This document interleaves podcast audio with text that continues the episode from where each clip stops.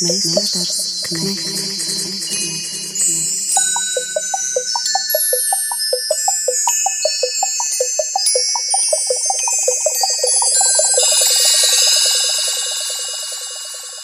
Meistars Knechts. Labdien! Pie mikrofona Arests Silabriedis, un šīs reizes raidījumā mēs runāsim par cilvēku komunikāciju sociālajos tīklos, par liberāļu un konservatīvo nometnēm, par portāliem Telos LV un Satori LV, bet visu pirms pavisam īsi par kultūras ministrijas izstrādāto dokumentu kultūra politikas pamatnostādnes 2021. un 2027. gadam. Šī dokumenta apspriešana notiek līdz 23. martam, un dokumentā izvirzītas četras prioritātes. Pirmā - kultūras resursu pieejamība pieejamība visiem, otrā - sabiedrības līdzdalība kultūras procesos, kā prioritāte nosakot iedzīvotāju iesaisti dziesmu un deju svētku kustībā, nemateriālā kultūras mantojuma kopšanā un lokālo kultūra telpu savdabības un latvisko tradīciju un dzīves ziņu saglabāšanā. Trešā prioritāte ir kultūras nozaru ilgtspējīga attīstība, un ceturtā prioritāte - talantu ataudze un kultūras darbinieku profesionālā izaugsme. Tā skaitā atverot durvis uz kultūras pasauli ikvienam Latvijas iedzīvotājam, kurš to vēlas, īpaši bērniem un jauniešiem, tostarp īstenojot Latvijas skolas somas programmu. Tā teikts dokumentā Kultūra Baltikas pamatnostādes 21. un 27. gadam.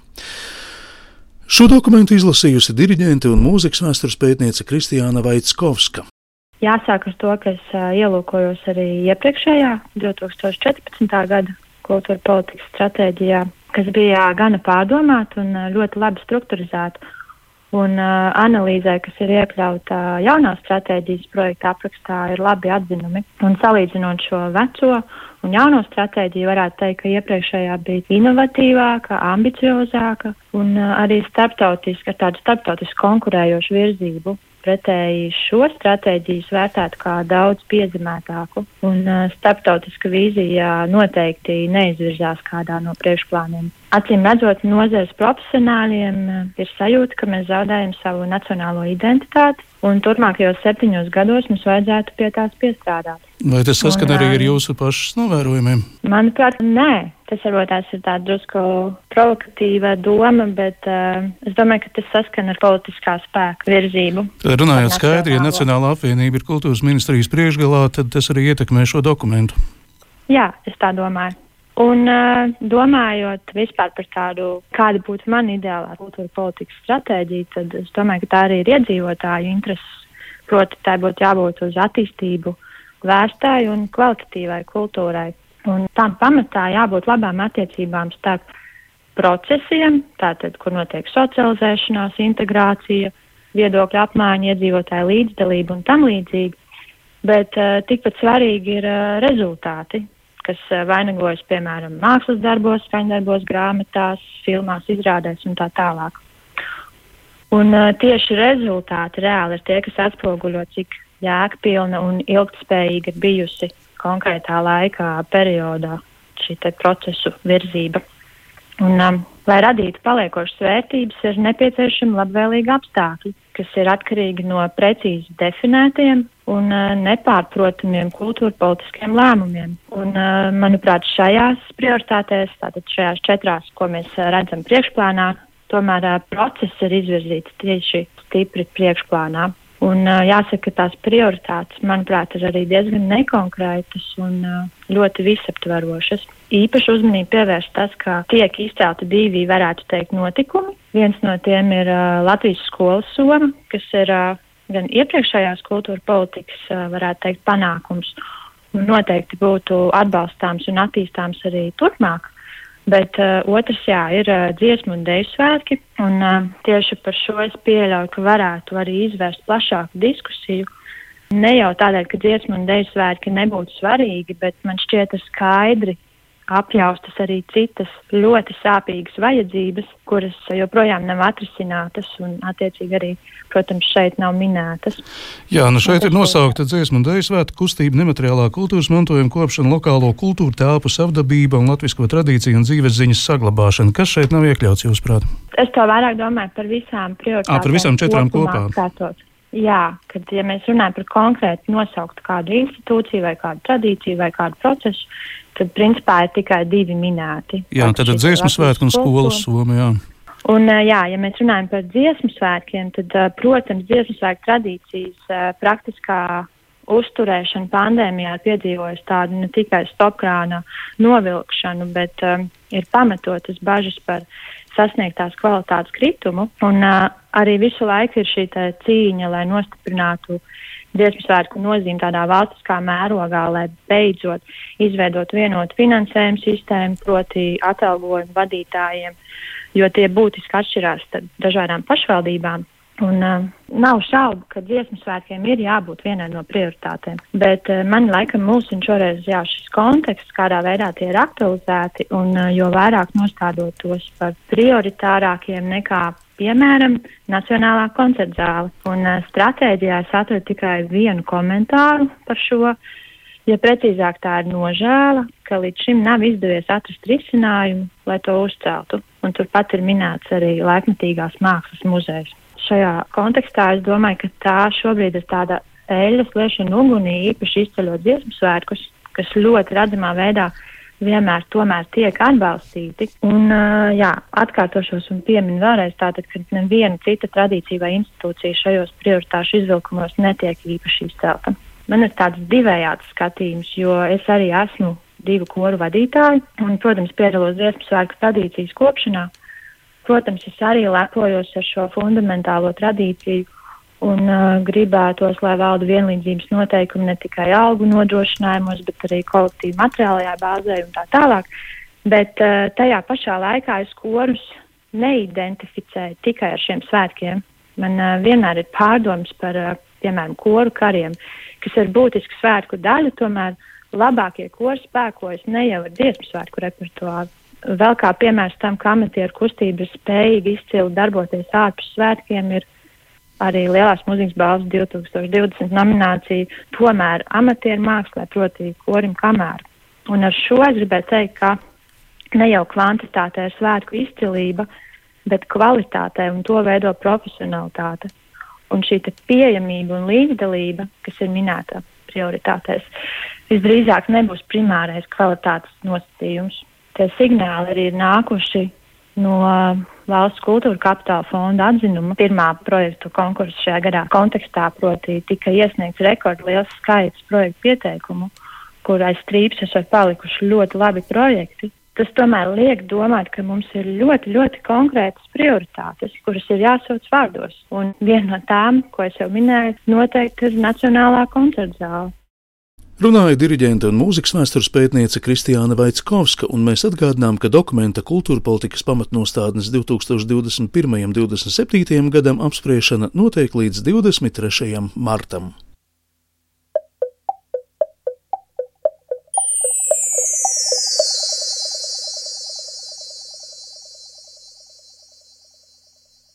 Radījuma turpinājumā runāsim par to, kā uzvesties sociālajos tīklos un kā publiski definēties tās vai citas garīgās nometnes pārstāvniecībā.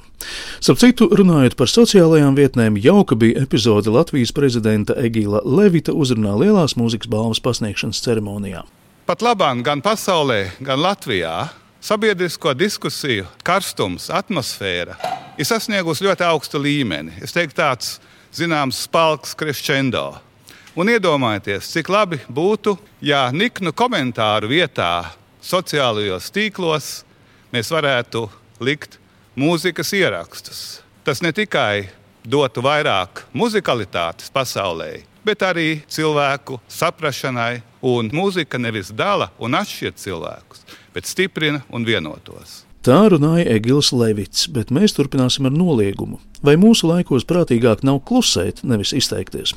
Mārketinga komunikācijas plānotāja Digna Degķerova. Mūsu laikos pilnīgi noteikti vieglāk un kaut kādā mērā arī psihiskai veselībai drošāk ir uh, nepaust viedokli. Jautājums, protams, ir par to, vai tas uh, mūsu demokrātisko sabiedrību pie kaut kā laba novedīs. Tas laikam vairāk ir retorisks. Tā Digna Dekķerova, bet ko tīmekļa žurnāla satorī galvenais redaktors Henriks Elijas Zēgners? Tad sajūta var rasties. Bet domājot par to, kādā tonī noteiktās runas publiskajā telpā, es domāju, ka tur ir vienkārši jāmeklē tas vidusceļš. Un uh, tas, ko es saskatu kā principā lielāko problēmu, ir vienkārši elementāras cieņas, pieklājības un kaut kāda saprāta klātbūtne tajās sarunās un, un, un diskusijās. Un tas patiešām iztrūkst. Un ļoti daudz diskusijas notiek ļoti agresīvos toņos, un jautājums par to, vai viņās iesaistīties, ir nu, droši vien jāuzdod katram sev. Bet katrā ziņā tas, par ko es iestājos, ir, ir saruna cieņpilnā tonī un uh, izmantojot adekvātu argumentāciju. Un rakstnieks un kultūra politikas pētnieks Haralds Matulis. Jā, es saprotu, ko tu saki. Es sāku no tās puses, ka man agrāk gribējās izteikties, bet es vismaz filtrēju jautājumus, kurus es saprotu un kas man interesē. Bet, bet pēdējā laikā, jā, es saprotu, ka bieži vien, pat ja man ir viedoklis, kas man šķiet labs, ka bieži vien ir labāk noklusēt, lai gan Droši vien, ka tā nekādā ziņā nav unikāla situācija ne cilvēces vēsturē, ne arī kaut kādās sociālās situācijās. Tas, par ko droši vien ir vērts aizdomāties, ka tu vari tā kā situatīvi noklusēt vienā, otrā, trešajā, ceturtajā, piektajā, bet, ja tu jūti, ka tā jau kļūst par sociālo realitāti, vai tad varbūt ir vērts teikt, hei, te pastāv kaut kāda problēma. Man, tik tālu vēl nav. Ja? Nu, es teiktu, ka vispār mēs uz to pusi virzamies man, man kaut kādā tādā negaidītā veidā.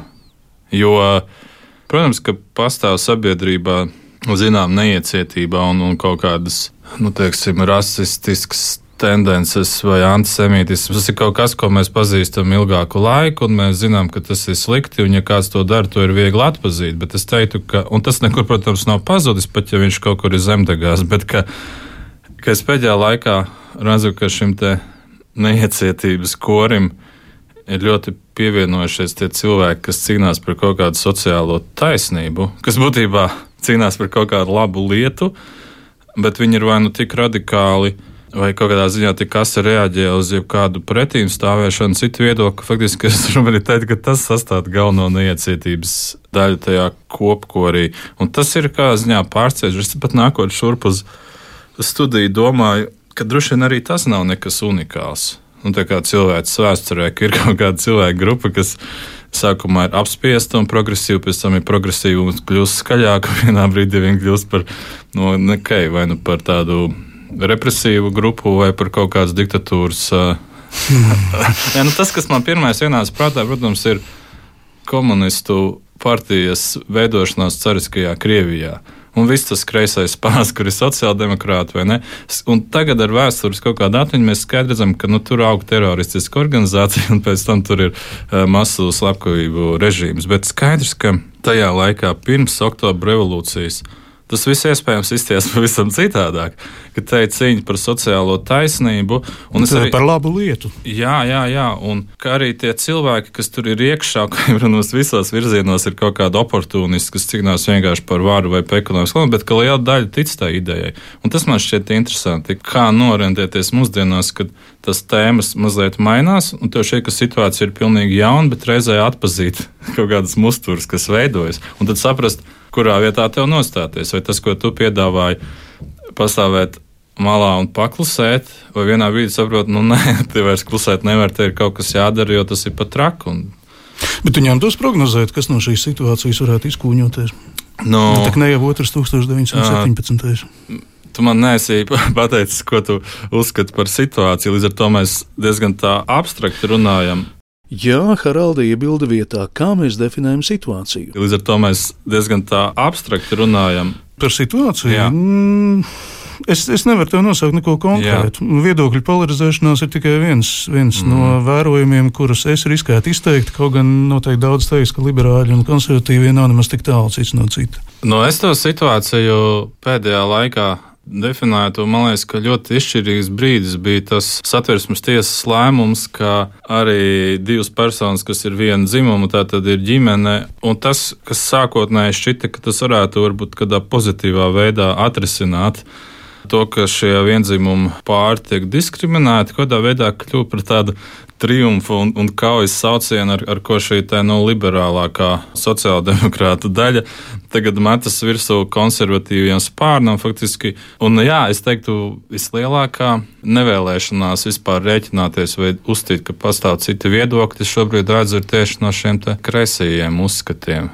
Kas man šķiet interesanti, bet atkal droši vien nepārsteidzoši. Un, un es domāju, ka tur ir arī kaut kāda, kaut kāda loma tam, ka nu, salīdzinoši nesen šie kreisie spēki Latvijā ir kļuvuši redzamāki un guvuši kaut kādu ietekmi. Es domāju, pirmkārt par attīstībai par elektorātu, kas gan vairāk sevi definē kā sociāli liberālu. Un otrkārt, ar Rīgas domas vēlēšanām, kur triumfēja progresīvie, kas jau skaidri sevi definē kā kreisa sociāla demokrātiska partija. Un es domāju, ka tā ir bijusi tā iespēja pāriet no šī tēma apspiestā un neuzklausītā uz to, ka mēs tagad esam pie varas un beidzot atrisināsim to netaisnību, kas ir bijusi.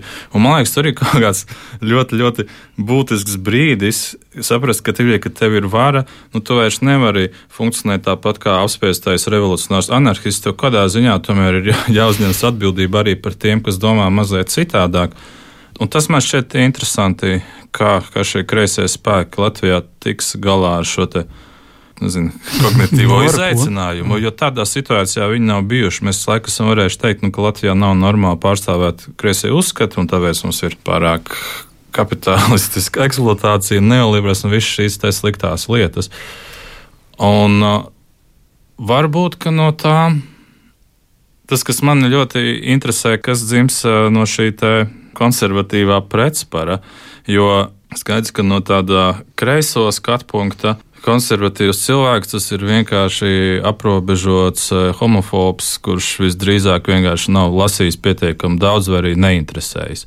Bet skaidrs, ka konservatīvie var būt ļoti dažādi. Nu, piemēram, tāds tipisks latviešu nacionāli noskaņots Nacionālās apvienības vēlētājs ir ļoti atšķirīgs nekā ortodoksāls kristietis ok, viņi abi ir kaut kādā ziņā konservatīvi, bet patiesībā tas, par ko viņi domā, viens domā par nacionālu valstu, otrs domā laiku par kaut kādām garīgām vērtībām. Tāpat mēs varētu iezīmēt kaut kādu nu, konservatīvu dimensiju tādā reāla politikas virzienā, ka konservatīvi spēki ir tie, kas uzskata, ka mums ir jāmēģina saglabāt status quo un stiprināt kaut kādas reģionālās alianses ar Baltijas valstīm un, un Poliju, lai turētos pretī Krievijai. Skaidrs, tas ir pavisam cits domāšanas vektors nekā teiksim, par, par dzimumu līdztiesību vai tiesībām, bet tas arī ir kā ziņā konservatīvs. Un, un tas man šķiet interesanti, jo lasot kaut kādu no akadēmisko literatūru, kaut kādu sociālo teoriju un tādas diskusijas, noteikti ārkārtīgi, ārkārtīgi dominē šis kreisais viedoklis. Un, un es esmu viņu tik, zinu, tik lielā mērā par viņu informēts, un tik daudz, kas man no viņa liekas pareizi, ka šķiet interesanti viņam sagaidīt kaut kādu saprātīgu kritiku vai, teiksim, kaut kādu cieņpilnu konservatīvās domas pārstāvi, kurš spēj izpausties ar cieņu pret sevi un pret citiem, kas man liekas, līdz šim Latvijā vismaz tajā publiskajā telpā ir trūcis, un, un varbūt šis būs kāds iemesls kā formulēt to viedokli. Nu, šis kas? Es domāju, tas. Uh, jā, man jāatbild uz savu jautājumu. Šī kreiso spēku kaut kāda varēšanas un, un sniegtās deleģētās varas apziņa, kas nāk ar šiem labākiem vēlēšanu rezultātiem. Šis te satversmes tiesas spriedums par vienzimumu pāru tiesībām, kur faktiski šīs satversmes tiesas spriedumu apšaubīšana jau tiek uzskatīta kā kaut kāda konstitucionāla pamatu graušana, kas ļauj tā kā vēl aktīvāk iestāties par to, un tas ir izveidojis kaut kādu tādu konfrontāciju. Un konservatīvie ir, ir spiesti kādā ziņā turēties pretī, nu, un, un katrs dara kaut ko mazliet savu. Teiksim, katoļu arhibīskaps argumentē vienā veidā. Nacionāla apvienība mazliet pieslējoties, bet runā par citām vērtībām. Un tas, kas man ir interesanti, vai jā, vai izveidosies kaut kāds vienota konservatīva fronte, vai vismaz kaut kāds vēl viens uh, sakarīgs uh, konservatīvs viedoklis. Marta sākumā klajā nāca jauns tīmekļa žurnāls Tēlos LV, kura galvenā redaktore ir Agnese Irbe un redaktors Krišānis Lācis. Nu, ir savā ziņā pārstāvniecība gan vieniem spēkiem, gan citiem, bet vai nebūs tā, ka Satorija un Telos polarizēs sabiedrību, vai nu tu lasi vienu vai otru žurnālu? Vārds Krišānim Lācim. Es Satoriju lasu visu laiku, tīri lai saprastu, nu, es, es jau ilgstoši, protams, esmu bijis, nu, ja mēs runājam nometnēs, ilgstoši esmu bijis otrā pusē, un nu, vienmēr ir labi zināt, ko cilvēki domā otrā pusē. Un, bet arī jūs atzīstat, ka ir otra puse. Jā, jā, jā protams, jā, tas ir viennozīmīgi. Mēs, teiksim, Satorija sevi pieteicis kā pastāvīgās domas portāls. Tas pats arī Rīgas laiks. Pastāvīgi doma, tas nozīmē, nu, neitrāli tur jebkāda viedokļa var izskanēt, vai ne? Bet uh, mūsu galvenā redaktore Agnese Irba liecina, nu, tas ir arvien grūtāk. Tajā brīdī, kad ir grūti nopublicēt uh, citādākus skatījumus, nu, tad ir jārunā par, jā, par bezmazliet par atšķirīgu burbuļu, atšķirīgu vietņu veidošanu, kur tad cilvēki neskatoties pār plecu, bet, nu, teiksim, savas tās nometnes diskusiju ietvaros, nu, tad slīpē savu viedokli. Bet pārnometņu diskusijas, kam būtu jānotiek, lai tās būtu auglīgas, nevis uzbrukušas, varbūt šādi tad kā tagad.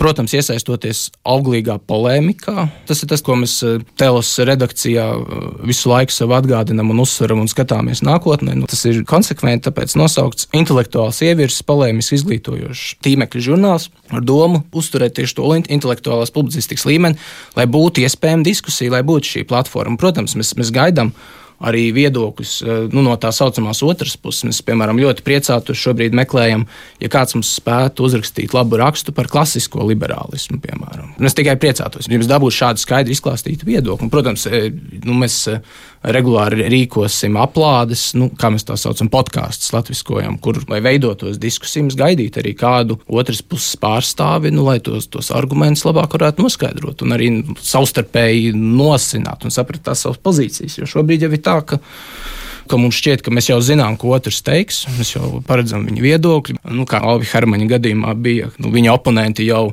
jūt, ka viņam ir kaut kas aiz ādas, lai gan nu, tie noteikumi jau tādi neitrāli un ielasa tajā nu vairāk. Runāja Krišānis Lācis, tas pats jautājums Haraldam Matulim. Tas ir interesants jautājums, jo tad, kad es tikko saku, ka trūkst saprātīgi paustā tāda konservatīvā ideoloģija publiskajā telpā, tas varētu šķist jocīgi, jo it kā kas man liedz klausīties katoļu arhibīskapā vai izlasīt jaunās konservatīvās partijas, teiksim, vēlēšanu, bet reizē es jūtu, ka tā tomēr nav atbilde. Nu, ja mēs paskatāmies uz jauno konservatīvu partiju, nu viņā Uh, ekonomiski viņš šobrīd drīzāk pat kreisi rīkojas. Viņa aicina 500, 500, 500 visu kaut ko atbalstīt. Un strādāt koalīcijā, nu labi, kur tur izpaužas tas konservatīvs. Līdz ar to es tiešām cerētu, ka Telas varētu varbūt kļūt tā vieta, kur parādās kaut kāda atšķirīga viedokļa. Un, manuprāt, tas būtu ne jau vien pašiem konservatīviem labi, tas ļautu asināt savus argumentus arī šai kreisajai un liberālajai nometnē. Nevis tikai. Tu domā, ka varētu izveidoties saruna? Es ceru, ka kaut kad tas varētu notikt. Paskatoties, kas šobrīd tur telesā bija publicēts, nu, tie raksti ir dažāda dziļuma un kvalitātes. Kādā ziņā tas brīvības līmenis, kas dažreiz iet uz apskaukšanās pusi, nu, priecē, ka cilvēki var pateikt, ko viņi domā. No otras puses, tas ir bijis riskanti, jo, ja tu ieej tādos jau neargumentētos apvainojumos, tad vienkārši to visu lietu var sākt uztvert mazāk nopietni. Bet tad es atceros, ka kaut kad ap 2004. un 2005. gadu, kad portāls Satorijas sāka darboties, viņš arī bija daudz anarchistiskāks un dažādāks, un pat visādas jocīgas publikācijas tika publicētas. Un šobrīd mēs skaidrs varam teikt, ka, ka viņš darbojas kvalitatīvāk. Bet reizē teiktu, tā viedokļa daudzveidība ir samazinājusies. Un tas, ka tur katru dienu vai katru otro dienu tiek publicēts par rakstām, tas jau to nespēja garantēt. Un, un, un to es šobrīd redzu, ka tajā sākuma posmā telesā tur ir uh, lielāka iecietība pret autoru dažādiem viedokļiem. Kas būtu vērtējams kā? Kā vienkārši sākums un kursa vēl definēšana?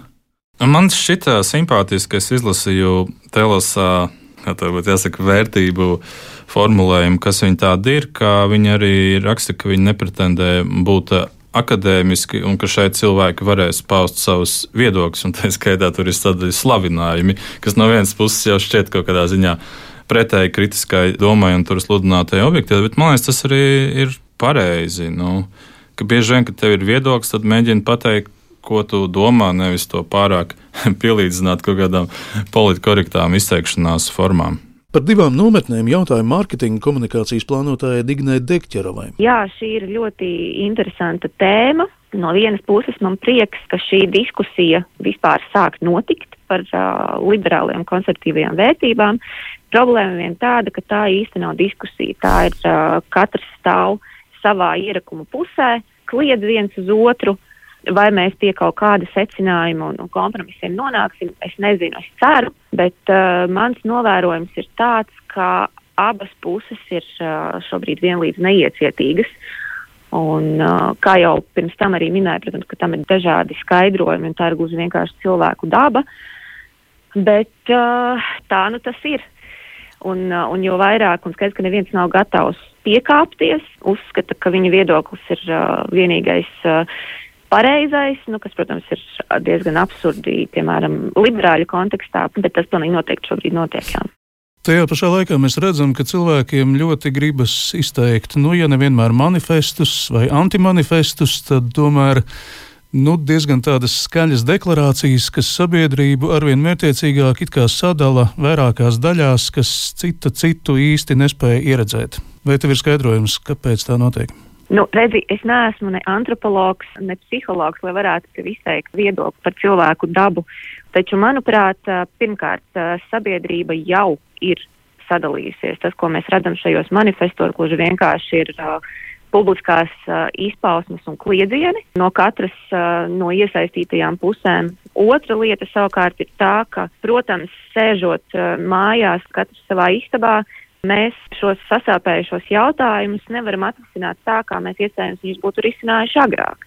Piemēram, satiekoties pie vīna vai alus glāzes vai, vai kādā seminārā vai pieņemšanā.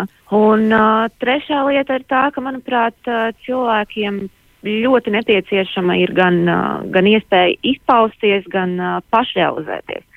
Un arī tā šobrīd ir krietni vien uh, ierobežota. Uh, jo īpaši atkarībā no nozares, kurā katrs cilvēks darbojas, daži vispār nespēja nekādā veidā izpausties. Un man šķiet, saliekot šīs visas komponentes kopā, mēs redzam ļoti skaidru rezultātu. Satorī un vai Tēlos. Vācu žurnāla Satorī galvenajam redaktoram Henrikam Elijasam Zēgneram. Vai var gadīties tā, ka tu izvēlies Satorī un nelasi Tēlos, vai otrādi? Es ceru, ka nē.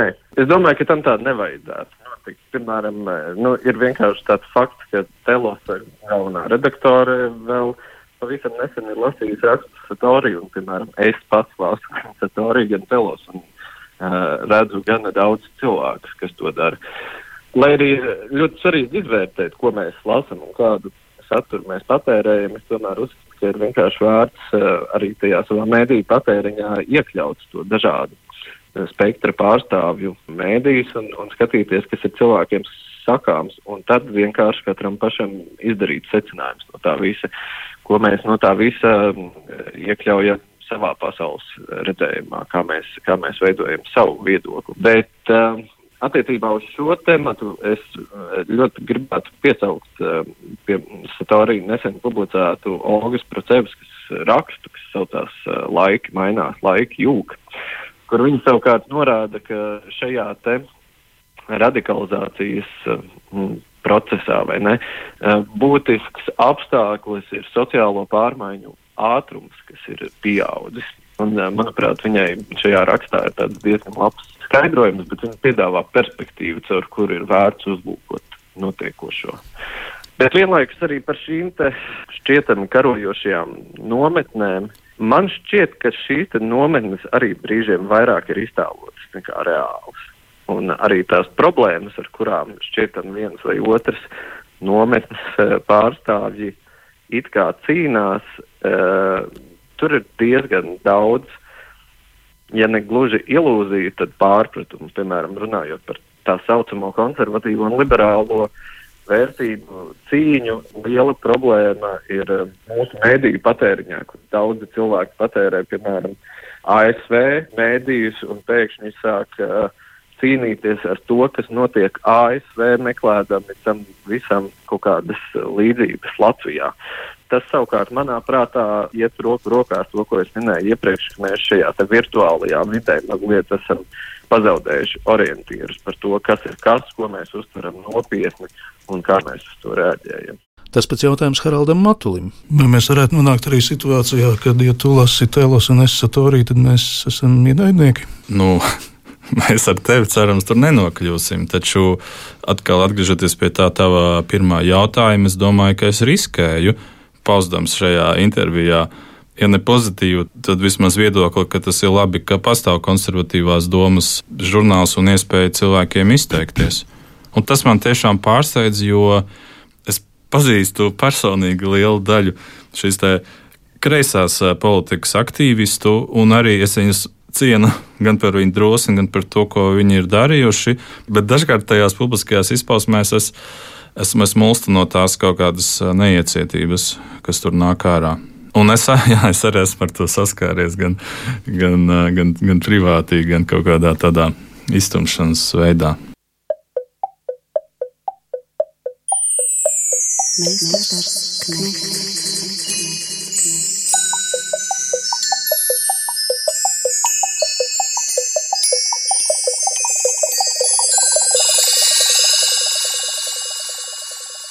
Meistars Knechts. Jautājums Satorī galvenajam redaktoram Henrikam Elijasam Zēgneram par viedokļa publisku paušanu, vai ir bijis bail izteikties? Es gribētu teikt, ka nē. Protams, strādājot eh, mediju vidē, vadot uh, satoriju un arī citos veidos, kaut ko darot publiski, tas vienmēr izsauc uh, pretreakciju. Un, ja ir runa, piemēram, par tīri interneta vidi uh, Latvijā un droši vien pasaulē vispār, tajā brīdī, kad kaut ko izdara, tajā reakcijā parasti ir sastopams arī tas patiešām drūmais un agresīvais gals. Bet es domāju, ka tas nošķīrums starp to, ko cilvēki raksta anonīmi un arī neanonīmi internetā, un to, kas notiek sabiedrībā, ka tur ir mazliet tāda plaisa, varbūt arī pa vidu. Respektīvi, man šķiet, ka tas, kas notiek internetā, rādās ļoti sabiezinātās krāsās bieži vien. Un, nu, tas ir it kā tāds banāls piemērs, bet uh, ar tiem cilvēkiem, ar kuriem tu, nezinu, kaismīgi lamājies Twitterī, satiekoties uz ielas vai kādā pasākumā, izrādās tomēr ir iespējams arī cilvēcīgi parunāt. Tāpēc man šķiet, ka šajā gadījumā ir vērts aktualizēt to, nu, kāda vispār ir tā mūsu virtuālās vides etiķete un cik nopietni to mēs uztveram, cik kritiski mēs izvērtējam to, ko mēs tur spējam izlasīt un, un, un kas tur patiesībā slēpjas bet tādu, teiksim, tieši, tiešu apdraudējumu par kaut kādiem saviem izteikumiem es īsti nejūtu. Lai gan, protams, savulaik ir saņemti arī draudi par, uh, par to, ka notiks vis visādas lietas, bet uh, tu, tu, tu līdz šim nekas tāds. Neviens neko nav izdarījis. Jā.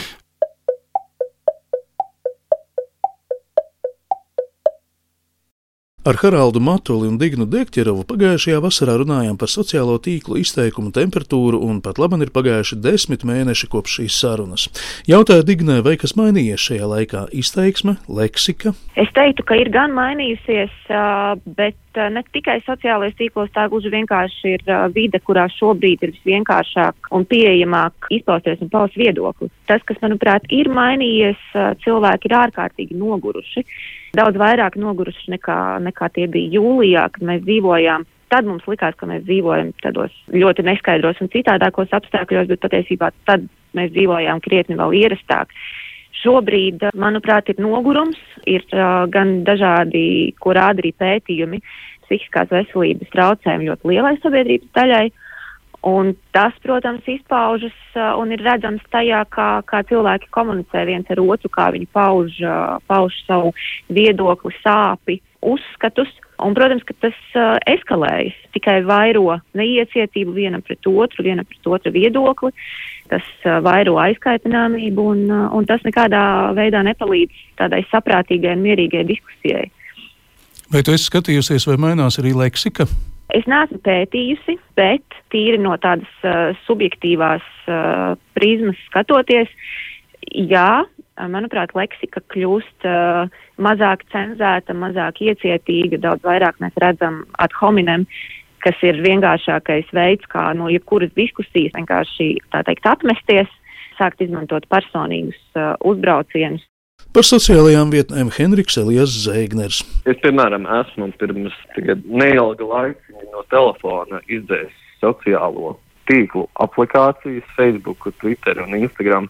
Protams, ka es tajos tīklos vienalga ieskatos uh, vairākas reizes dienā, bet uh, šajā pandēmijas stāvoklī dzīvojot vienatnē, nu, es arī pats sevi pirms laika pieķēru, ka es nezinu, es uh, ir, ir vēls vakars, man ir jāiet gulēt, vai es tikko esmu pamodies, es uh, lasu kaut kādas, uh, nu, tādas diezgan nekvalitatīvas kaut kādas diskusijas Twitterī, un es domāju, vai, vai, vai tiešām šis ir jēgpilns dzīves process, vai pat tiešām tas slīpē manu viedokli, manu intelektuālo domu, un sapratu, ka nē. Un tad es domāju, ka ir, um, ir vienkārši jāmēģina fokusēties uz, uz, uz citām lietām. Un, protams, mums ir tā iespēja šobrīd daļēji atņemta, bet tomēr jāmeklē kaut kādi risinājumi un, un, un vienkārši jāpiepilda savu dzīvi arī ar visādām citām kvalitātēm, ne tikai iedomātām uzvarām iedomātās cīņās. Un ko Haralds Matulis? Es neteiktu, ka sociālai tīkli ir pārvērtēti, jo viņi ietekmē milzīgi. Es, es teiktu pats, ka es īpaši vairs tam nesekoju līdzi, tā ziņā, ka es neceru tur uzzināt kaut kādu būtisku patiesību. Un manī bieži vien satrauc, kad es uzzinu to, kas pasaulē ir noticis, es labāk izvairos to zināt.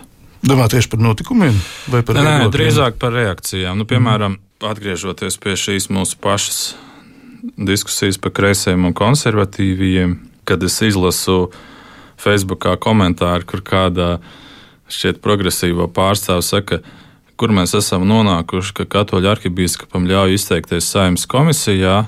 Tas ir kaut kāds smurksts valstī no baznīcas jābūt šķirtai. Es tā kā spēju izlasīt to secību, jā, valsts ir jābūt šķirtai. Jā, skaidrs, ka viņam nevajadzētu būt augstākām tiesībām izlemt, bet skaidrs, ka arī viņam ir tiesības būt šajā komisijā un teikt savu viedokli. Un, un man liekas, ka šajā cīņā par baznīcas valsts šķirtību faktiski jau tiek aicināts nu, aizliegt. Uh, Katoļu arhibīskam paustu viedokli. Nu, tad es kaut ko tādu izlasu, man paliek bēdīgi. es pirms tam biju labās domās par šiem cilvēkiem. Es domāju, ka viņi cīnīsies par sociālo taisnīgumu visiem. Nu, tādu piemēru, bet tad es saprotu, ka es, es vienkārši varētu par to neuztraukties, nelasot to, un tad es izvairos to lasīt. Vēlreiz Henriks Elijas Zēgners. Vai es pareizi saprotu, ka tavā ieskatā digitālā vide intensificē uzskatu spilgtumu? Es domāju, ka jā, un uh, man šķiet, ka ļoti liels nopelns tam visam šobrīd ir, protams, pandēmija, vienkārši šis apstākļu kopums, kur cilvēki pavada vairumu laika savās mājās. Nezinu, vienkārši neveltot gana daudz laika citādām veselīgām, intelektuālām un fiziskām aktivitātēm. Un, protams, ka nu, situācija ir sarežģīta un uh, apstākļi ir sarežģīti un daudziem cilvēkiem, nezinu, ekonomiski, finansiāli un psiholoģiski iet grūti. Uh, Un viss tā rezultātā rodas uh, frustrācija, un ko mēs darām? Mēs sēžam pie datoriem, mēs uh, ieslīgstam sarunās, mēs uzvalkamies un mēs sākam lamāties. Bet, uh, nu, varbūt uz to var skatīties kā arī uz tādu spriedzes, uh, nu tā teikt, uh, izlādes veidu, kas ir kaut kāds zibens novedējis daudziem. Tad es jūtos slikti un tagad sarakstīšu visādas riebīgas lietas internetā. Un tādā gadījumā es domāju, nu, Eh, varbūt tā nav pati sliktākā lieta, ko darīt, bet es domāju, ka tam, nu tā teikt, sakars ar kaut kādiem reāliem uzskatiem un viedokļiem mēdz arī būt visai mazs. Sarunā pieskaramies politkorektuma jautājumam. Runā Krišjānis Lācis. Es teiktu, ka Latvijā vēl nav tik traki ārzemēs, jā. Es pats esmu braucis uz uh, konferenci Zviedrijā pirms daudziem gadiem, kā zaļknābs, kā pirmā kursa maģistrāns. Un, nu, tur bija tā, man, nu, man bija kaut kā tēma par Kierkegoru un, un, un, un mīlestību. Kaut nu, pilnīgi naivi. Ir nevainīgi. Jā, pilnīgi naivi, nevainīgi tēma. Un, un es nonāku tur Zviedrijā, un, un, un, un tad tas bija Göteborgas universitātē, un es klausos to pirmo konferences sekciju, un, un es tā saprotu, nu jā, nu, tur, tur tādas zviedru profesors, viss uh, kundzītes, un, un visas tādas ļoti pārliecinātas feministas, protams, un, un tad nu, viņas drīzāk sacenšas, kur ir lielāka feministe attiecībā pret kur ir mazāka feministe. Un, un tad es saprotu, nu, jā, ka man tagad jāsāk savu, savus referātus cenzēt, un man tāds izmisums, jo es pirmo reizi tādā ārzemju konferencē. Nu, tur es tiešām es noklausījos pirmo sekciju, aizgāju uz, uz viesnīcu un radikāli izrediģēju teiksim, visu savu vīriešu centrisko skatījumu savā referātā. Nu, tas tur bija tik vienkārši izdarāms. Jā, tas tur, tur tikai tā, nu, tas, tas viss standarta vietas, kur piemēram viņš. Kur jūs rakstat tekstā, parasti nu, tur viņš dara to, to, to. Nu, feminists prasa, lai ir viņš un viņa, vai, vai vispār nu, dzimuma neitrāls apzīmējums. Un, Nu, tad es to visu izdarīju, man, un arī, lai es, teiksim, nu, man tur pa dievu bija kaut kas tāds arī, un uz dievu arī neatiecina šādus dzimumu diferencētus prievārds. Un, un, tā nevar teikt viņš, ja? Jā, jā, nevar teikt mm -hmm. viņš. Tas ir tādā publikā. Nu, es, es saprotu, viņas varbūt būtu iecietīgākas pret mani kā tādu jaunu studentu. Tur es savu cenzēju, bet Latvijā līdz šim Nu, es nezinu, nu, jā, es varbūt neesmu bijis tāda publiska persona. Un uh, Latvijā līdz šim, teiksim, tādā universitātes vidē, kuras es apgrozījies, nu, tur es, nu, vismaz es sev neesmu cenzējis. Par politkorektumu runājam ar Henriku Eliasu Zēgneru. Attiecībā uz politkorektumu man taisnība sakot, nav īsti skaidrs, kāda ir šī jēdziena definīcija mūsdienās. Man liekas, tas ir jēdziens, kas ir iztaipīts tik tālu. Katrs var pavilkt ir, savā virzienā, kā grib. Tieši tā, un es taisnība sakot, nevienmēr saprotu, ko ar to cilvēki domā mūsdienās. Un, manuprāt, nu jā, tas jēdziens tiek piepildīts ar visvisādām nozīmēm, arī tādām, kuras, manuprāt, vispār nav aktuālas. Tas nozīmē, ka katrs vadās pēc savas izjūtas un respektē to, ko ir pieņēmis vairums, teiksim, kādas vārdas lietot vai nelietot. Es teiksim, domāju, uzreiz blaumanis, žīdi un bites. Nu, jautājums, ko mēs darām ar dažiem konkrētiem vārdiem, kas citus aizskar. Es principā pārstāvu vairāk to uzskatu, ka Eh, ja, ja mēs lietojam eh, vārdu, eh, kas kādu cilvēku aizskar, tad lietojot šo vārdu, mēs šo cilvēku aizskaram. Vai tas ir tas, ko mēs vēlamies darīt, ja mums ir pieejamas alternatīvas? Es domāju, ka tas ir jautājums, ko ir svarīgi uzdot. Vienlaikus tīri no valodas perspektīvas, es savukārt vienlaikus absolūti iestājos par to, ka neviens vārds nav svītrojams no vārnīcas vai no uh, publiskas sarunas, bet ir vienkārši jāsaprot, kādus vārdus mēs izmantojam, vai tiešām tās ir labākās izvēles, un arī vienkārši nest atbildību par to, ko mēs pasakam. Nu, protams, arī šajā kontekstā ir bezgalīgi garas diskusijas, un nav arī šaubu, ka teiksim, pastāv dažādi konservatīvāki un brīvāki uzskati par to, kā par visiem šiem jautājumiem mums runāt. Ir patiešām kaut kādi principi, kurus uh, aizstāv vienu vērtību, cienītāji un, un, un citi principi, kas ir aktuāli citām sabiedrības daļām. Ir vairāk jautājumu arī visā šajā kontekstā, par ko ir vērts diskutēt un spriest un meklēt kompromisus un mēģināt panākt vienošanos arī par vienkārši atšķirīgiem uzskatiem.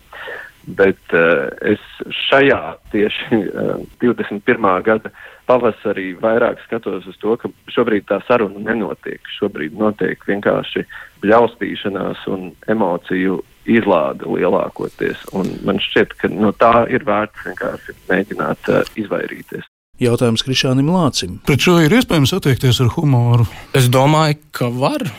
Es domāju, ka humors ir iespējams vienīgais, kā varētu mēģināt no šīs situācijas, vismaz tādā austrumēropas kontekstā, izlīst. Nu, mēs varam pasmieties tur pa pašiem nu, raksturīgs humora gadījums. Nu, mēs varam tur, labi, es nezinu, kā, kādos ūdeņos es šobrīd iepeldu.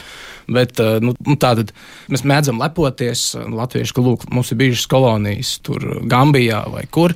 No mūsdienu diskursu skatu punkta tas, protams, ir nosodām lepoties ar kolonijām vispārējo. Nu, mēs esam uztaisījuši tādu arī tādu glorificējošu mūziku uz Tobago, arī, bet nu, no otras puses mēs varam nu, šo savu situāciju izmantot, kad mēs paši esam bijuši tādi kolonizētie gan tajā laikā, 17. gadsimtā, gan arī nu, visos turpmākajos latviešu gadsimtos, vēl līdz mm. pat padomju nu, imperiālismam un, protams, padomju koloniālismam. Tad nu, mēs varam teiksim, no šādas uh, divkārt apspiestā perspektīvas, protams, varam nu, kā tādi mūžīgie vēstures zaudētāji pasmieties un, nu, un cerams, varbūt nesaņemt nosodījumu no, no citiem izglītotiem cilvēkiem vai vismaz sagaidīt sapratni no kolēģiem Rietumē Eiropā. Jā, bet mēs runājam par nometnēm, mēs runāsim arī par nometnēm Latvijā, bet tagad skatoties uz Eiropu, nu, nepārprotam, Austrum Eiropu, Rietum Eiropu, viņas taču nekad nesaplūdīs visiem? Nē, nē, tie izējas punkti un vēsturiskās pieredzes ir pietiekami atšķirīgas. Es domāju, saplūst noteikti nē. Protams, komunisma pieredze ir bijusi pietiekami izolējoša. No austrumdaļa nošķiroša, jo ļoti daudz kas notika rietumos tajā īsajā laikposmā, tādā turbo modernitātes pātrinājums tiešām kas austrumiem savā ziņā gāja seceni. Un tiešām, nu, vismaz savas dzīves garumā es neredzu, 50, 60, 70 gadu garumā, es neredzu, ka nu, tāda pilnīga robeža nojaukšana. Labā vai sliktā nozīmē starp austrumiem un rietumiem būtu iespējams. Tas man šķiet, un, un, un arī tā vēsturiskā, nu, es ieminēju vēsturisko pieredzi, man šķiet, ka Nu, ja atskatās 500, 600, 700 gadu perspektīvā, nu, man liekas, ka pietiekami atšķirīgi. Bet vai tas mums nav kaut kādā ziņā arī mazliet pasargājis domāšanas skaidrībā? padomju okupācija Latvijā domāšanas skaidrību ietekmēja arī, protams, negatīvā nozīmē. Mēs esam daudz darījuši, lai kaut kā atgūtu to domāšanas skaidrību, kāda mums bija teiksim, pirms okupācijas. Bet no otras puses, šī padomju okupācija mums ir, kas ar visiem arī viņu runas brīvības ierobežojumiem un, un cenzūru un vispārējo, tas ir radījis Austrum Eiropā un arī, protams, Latvijā priekšnosacījums domas skaidrības eh, noturēšanai vai gūšanai. Cilvēki arī, teiksim, Rietumē Eiropā, tas pats eh, nelaiķis eh, pagājušajā gadā nomirušais Rodžers Skrūtons, konservatīvais filozofs, angļu prominentākais. Nu, viņš arī nu, saka, ir skaidrs, ka Austrum Eiropiešiem ir labāks deguns uz dažādiem šādām totalitārām schēmām, kā cenzēt, ierobežot viedokli, kā cilvēks piespiest cenzēt pašiem sevi publiskā vidē, un Austrum Eiropieši, teiksim, poļi, baltieši, nezinu, ukrāņi šodien arī. Jā, nu, varētu teikt, tas jau tādā instinktīvā līmenī. Šie cilvēki jūt, ka kāds, teiksim, grib auklēt vai, vai pāraudzīt viņu runu vai izpausmi, un, un tas savā ziņā nodrošina to nu, lielāku iespējamību domas skaidrībai. Ja kaut kas jaucās, teiksim, mūsu laukā, ja mēs jūtam, ka mums ir jāskatās pār plecu, nu, teiksim, austrumēropieši atšķirībā no rietumēropiešu, teiks, ka, nu, pagaidiet. Nu, kaut kas, kas nu, notiek? Ja? Padomāsim divreiz pirms ejam pa šo ceļu. Taču sabiedrības pārstāvis spriestspēja tas liekas nevairo. Pavērojam tos tekstus, pavērojam to, kā viens teikums izriet no cita teikuma, kā izmantots piemērs tiek interpretēts. Nu, tās ir lietas, kurām ir vērts pievērst lielu uzmanību, jo spriestspējas uh, trūkums vai arī pat uh, manipulācija ar kaut kādu cilvēku spriestspējas, uh, varbūt uh, mazāku aktivitāti uh, tā ir problēma, kas parādās sabiedrībā. Un tam ir vienkārši jāseko līdzi un jātur acis vaļā. Tas nozīmē, ka katram pašam sevi garīgi disciplinēt. Jā, nu, es domāju, ka tas ir tāds uh, un, universāls princips, ko vienkārši vajag sev konstanti atgādināt. Un, protams, viens ir individuāla atbildība, un otrs ir, piemēram, mēdīņa atbildība. Tajā gadījumā, kad mēs runājam par šiem jautājumiem, par to, kādus rakstus mēs izvēlamies publicēt, vai kādu toni mēs uzturam. Un es domāju, ka tā ir arī mēdīņa atbildība lielā mērā, tostarp arī manējā. Bet tas sākums tam visam ir tieši tīri un vienkārši ar katram paša individuālo redzējumu un, un spriestspēju.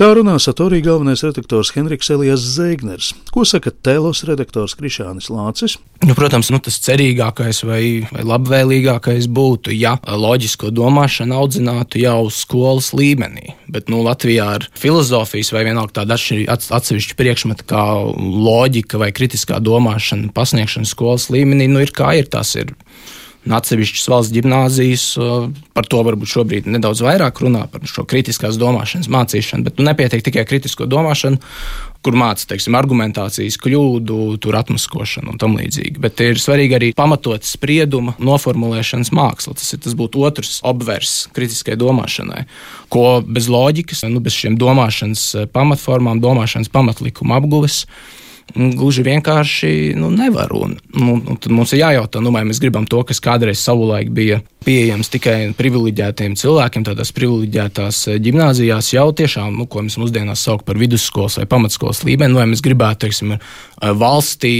valstī lai veicinātu demokrātiskās diskusijas un saprātīgas diskusijas uh, līmeni, lai to kāpinātu.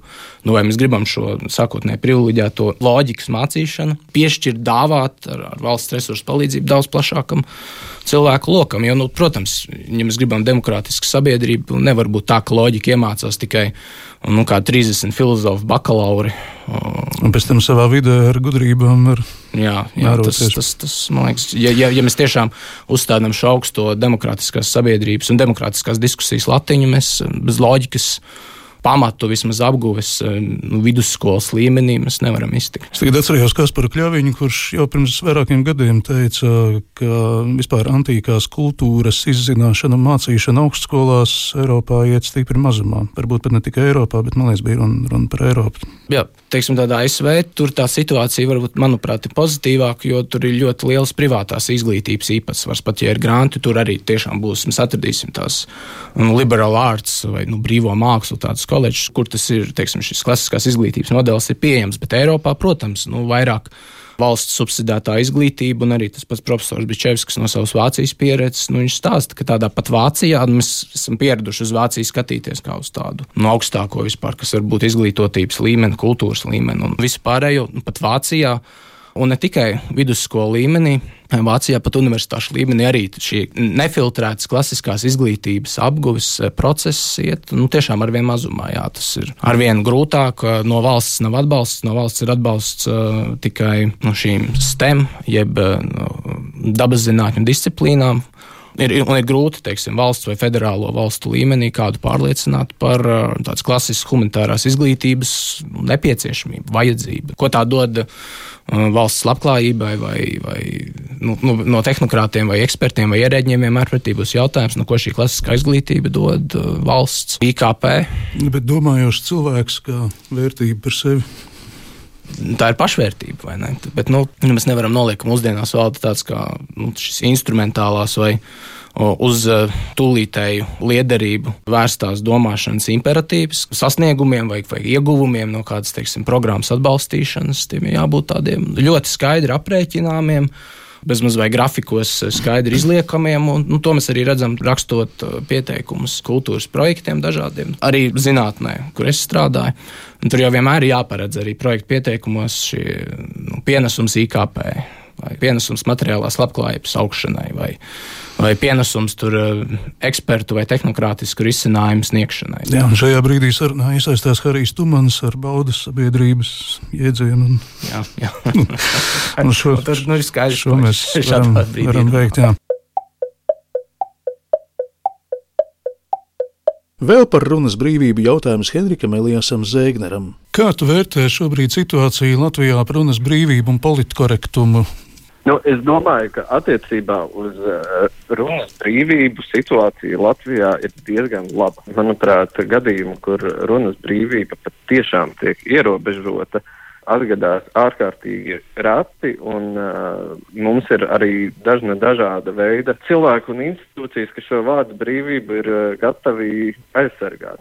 Es taisnību sakot, tādus tiešus apdraudējumus runas brīvībai gluži vienkārši neredzu. Protams, te ir pēdējā laikā notikumi, kas ir izsaukuši rezonanci par stāstiem ierakstiem Facebookā, bet arī tur, manuprāt, protams, ir jāņem vērā, ka tā arī ir satraucoša tendence un tam vajag pievērst uzmanību. Bet atkal ir runa, piemēram, vienkārši par Facebook platformu, kur strādā konkrēti algoritmi un uh, Tā ir gluži vienkārši viena no vietnēm internetā, kur mēs esam sākuši vispār uztvert par bezmazliet tādu galveno uh, pulcēšanās un, vietu. Ja? Nu, tieši tā, bet uh, tas, manuprāt, ir uzstādījums, kas vienkārši arī ir jāpārvērtē. Vai pat tiešām ieraksts Facebookā ir tas, kas veido mūsu sabiedrisko domu. Un, manuprāt, iemesls, kāpēc to vajadzētu pārvērtēt, ir arī tas, ka vienkārši tas stils, izteiksme un diskusiju kvalitāte, kas tajā pašā Facebookā notiek, lielākoties ir ļoti, ļoti zema. Cilvēki raksta ļoti emocionāli, ļoti pavirši, un uh, es domāju, ka ja tas ir patiešām mūsu tātad publiskās uh, diskusiju telpas centrā, uh, tad es teiktu, ka vienkārši katram ir jāpārdomā, kādu sarunas kvalitāti mēs gribam uzturēt. Portāla Telos LV vietnē ausi piesaistīja pirmā aplāde par runas brīvību, un tur citstarp bija epizode ar cilvēku nonākšanu ekstrēmā situācijā un to, kā katrs no mums varētu uzvesties. X situācijā nu, ir kaut kāds, mēs varam izskaidrot aptuveni cilvēku procentu, nu, tur bija tie 10 vai 20 procenti, kuri ir, nu, kurus mēs varētu nosaukt par radikāļiem. Tādiem, kuriem ir, ja tā varētu teikt, lielāka noslēdz uz, nu, kā Agnēs to sauc, sociopātiju. Ar šiem desmit procentiem sociopātu nav iespējams diskutēt. Līdz ar to, nu, kad mēs runājam par runas brīvību vai, vai, vai runas brīvības ierobežojumiem, mums nevajadzētu domāt par šiem cilvēkiem, nu, teiksim, šiem desmit procentiem potenciāli nu, nezinu, bīstamiem vai potenciāli agresīviem vai ar sociopātiskām noslēdzēm. Viņus, jebkurā gadījumā, viedokļu dažādība nepārliecinās, viņiem viss ir skaidrs. Un pat runas brīvības ierobežojumu pastiprinātā režīmā viņi atradīs veidus, kā viedokļiem cirkulēt un kā tos novadīt nu, plašākās tautas masās. Tur varbūt man iebildumi tādi, ka visi cilvēki ir sociopāti simtprocentīgi. Visiem cilvēkiem ir uh, potenciāls iekrist šajā. Nu, varbūt tā, jā.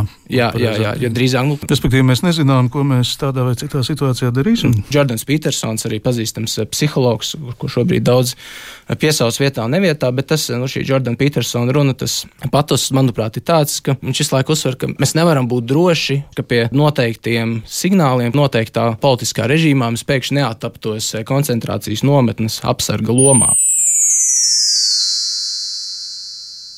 Radījums tuvojas noslēgumam. Vēl jautājums par izteiksmes brīvību un iecietību Dignai Dekķerovai. Tu esi gudra dzīves vērotāja, vai tu tomēr redzi kādu pavadienu, aiz kura pavalkot varētu šo situāciju kaut kā mīkstināt un ļaut runāt katram tā, ka viņš nebaidās, ka tiks ierakts zemē līdz kaklam? Hui, ja es tagad varētu sniegt šādu atbildi, es domāju, ka man iespējams piešķirtu uh, Nobela prēmiju par to. Miera prēmiju. bet, bet uh, ja godīgi, es es vienkārši ceru uz to, ka mēs kā sabiedrība varētu beidzot uh, saņemties, bišķīt vēl paciesties, un tomēr nāk uh, vasara, kas iespējams paver arī kaut kādas uh, cerību durvis par to, ka mēs tomēr kaut kādos formātos varēsim atkal satikties dzīvē un parunāties uh, aci pret aci klātienē lielākā vai mazākā sastāvā. Un es domāju, ka tas lielā mērā varētu nākt uh, kā risinājums arī. Um, arī šīs samilzušās problēmas kontekstā, jo šobrīd, atrodoties tajās pozīcijās, kurās mēs esam, turpinot būt noguruši, turpinot būt vieni vai, vai ieslēgti kaut kādā mērā savā, savā privātajā telpā, es nedomāju, ka kaut kas varētu būtiski mainīties un uzlaboties. Es domāju, ka drīzāk tas pavadiens ir uh, apstākļu kopums, uh, kas ir gan klimats, gan, gan kopējais, kopējais sabiedrības noskaņojums, gan, gan vakcinētības procents un, un tās visas lietas, kas varētu to salikt vairāk vai mazāk uz plauktiņiem.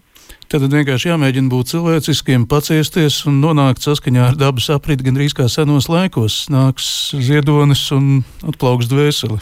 Es gribētu teikt, ka jā, un, un ļoti labs uh, ieteikums un punkts ir uh, viens ir paciesties, bet otrs mēģināt būt arī tiešām iecietīgiem.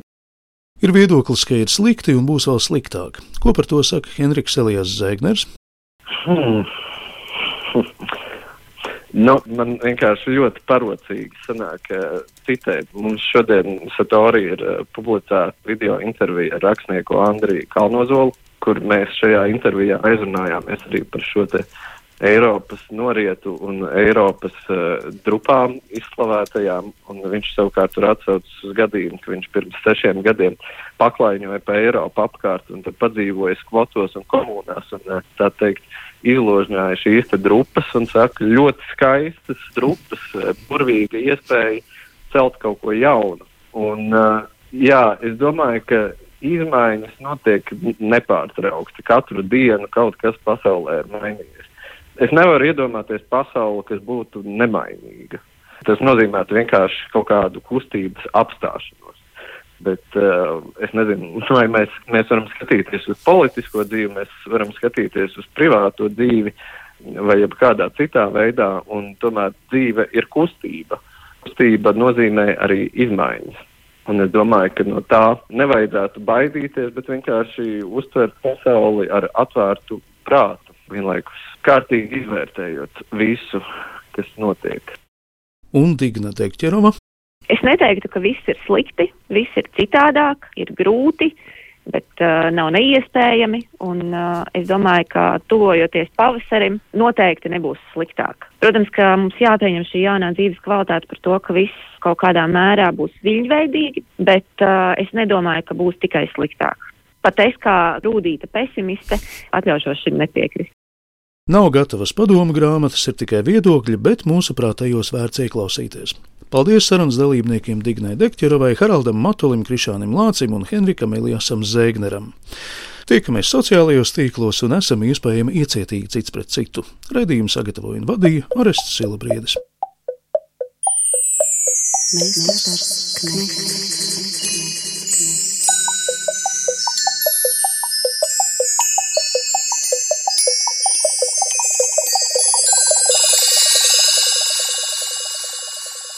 Meistars Knechts.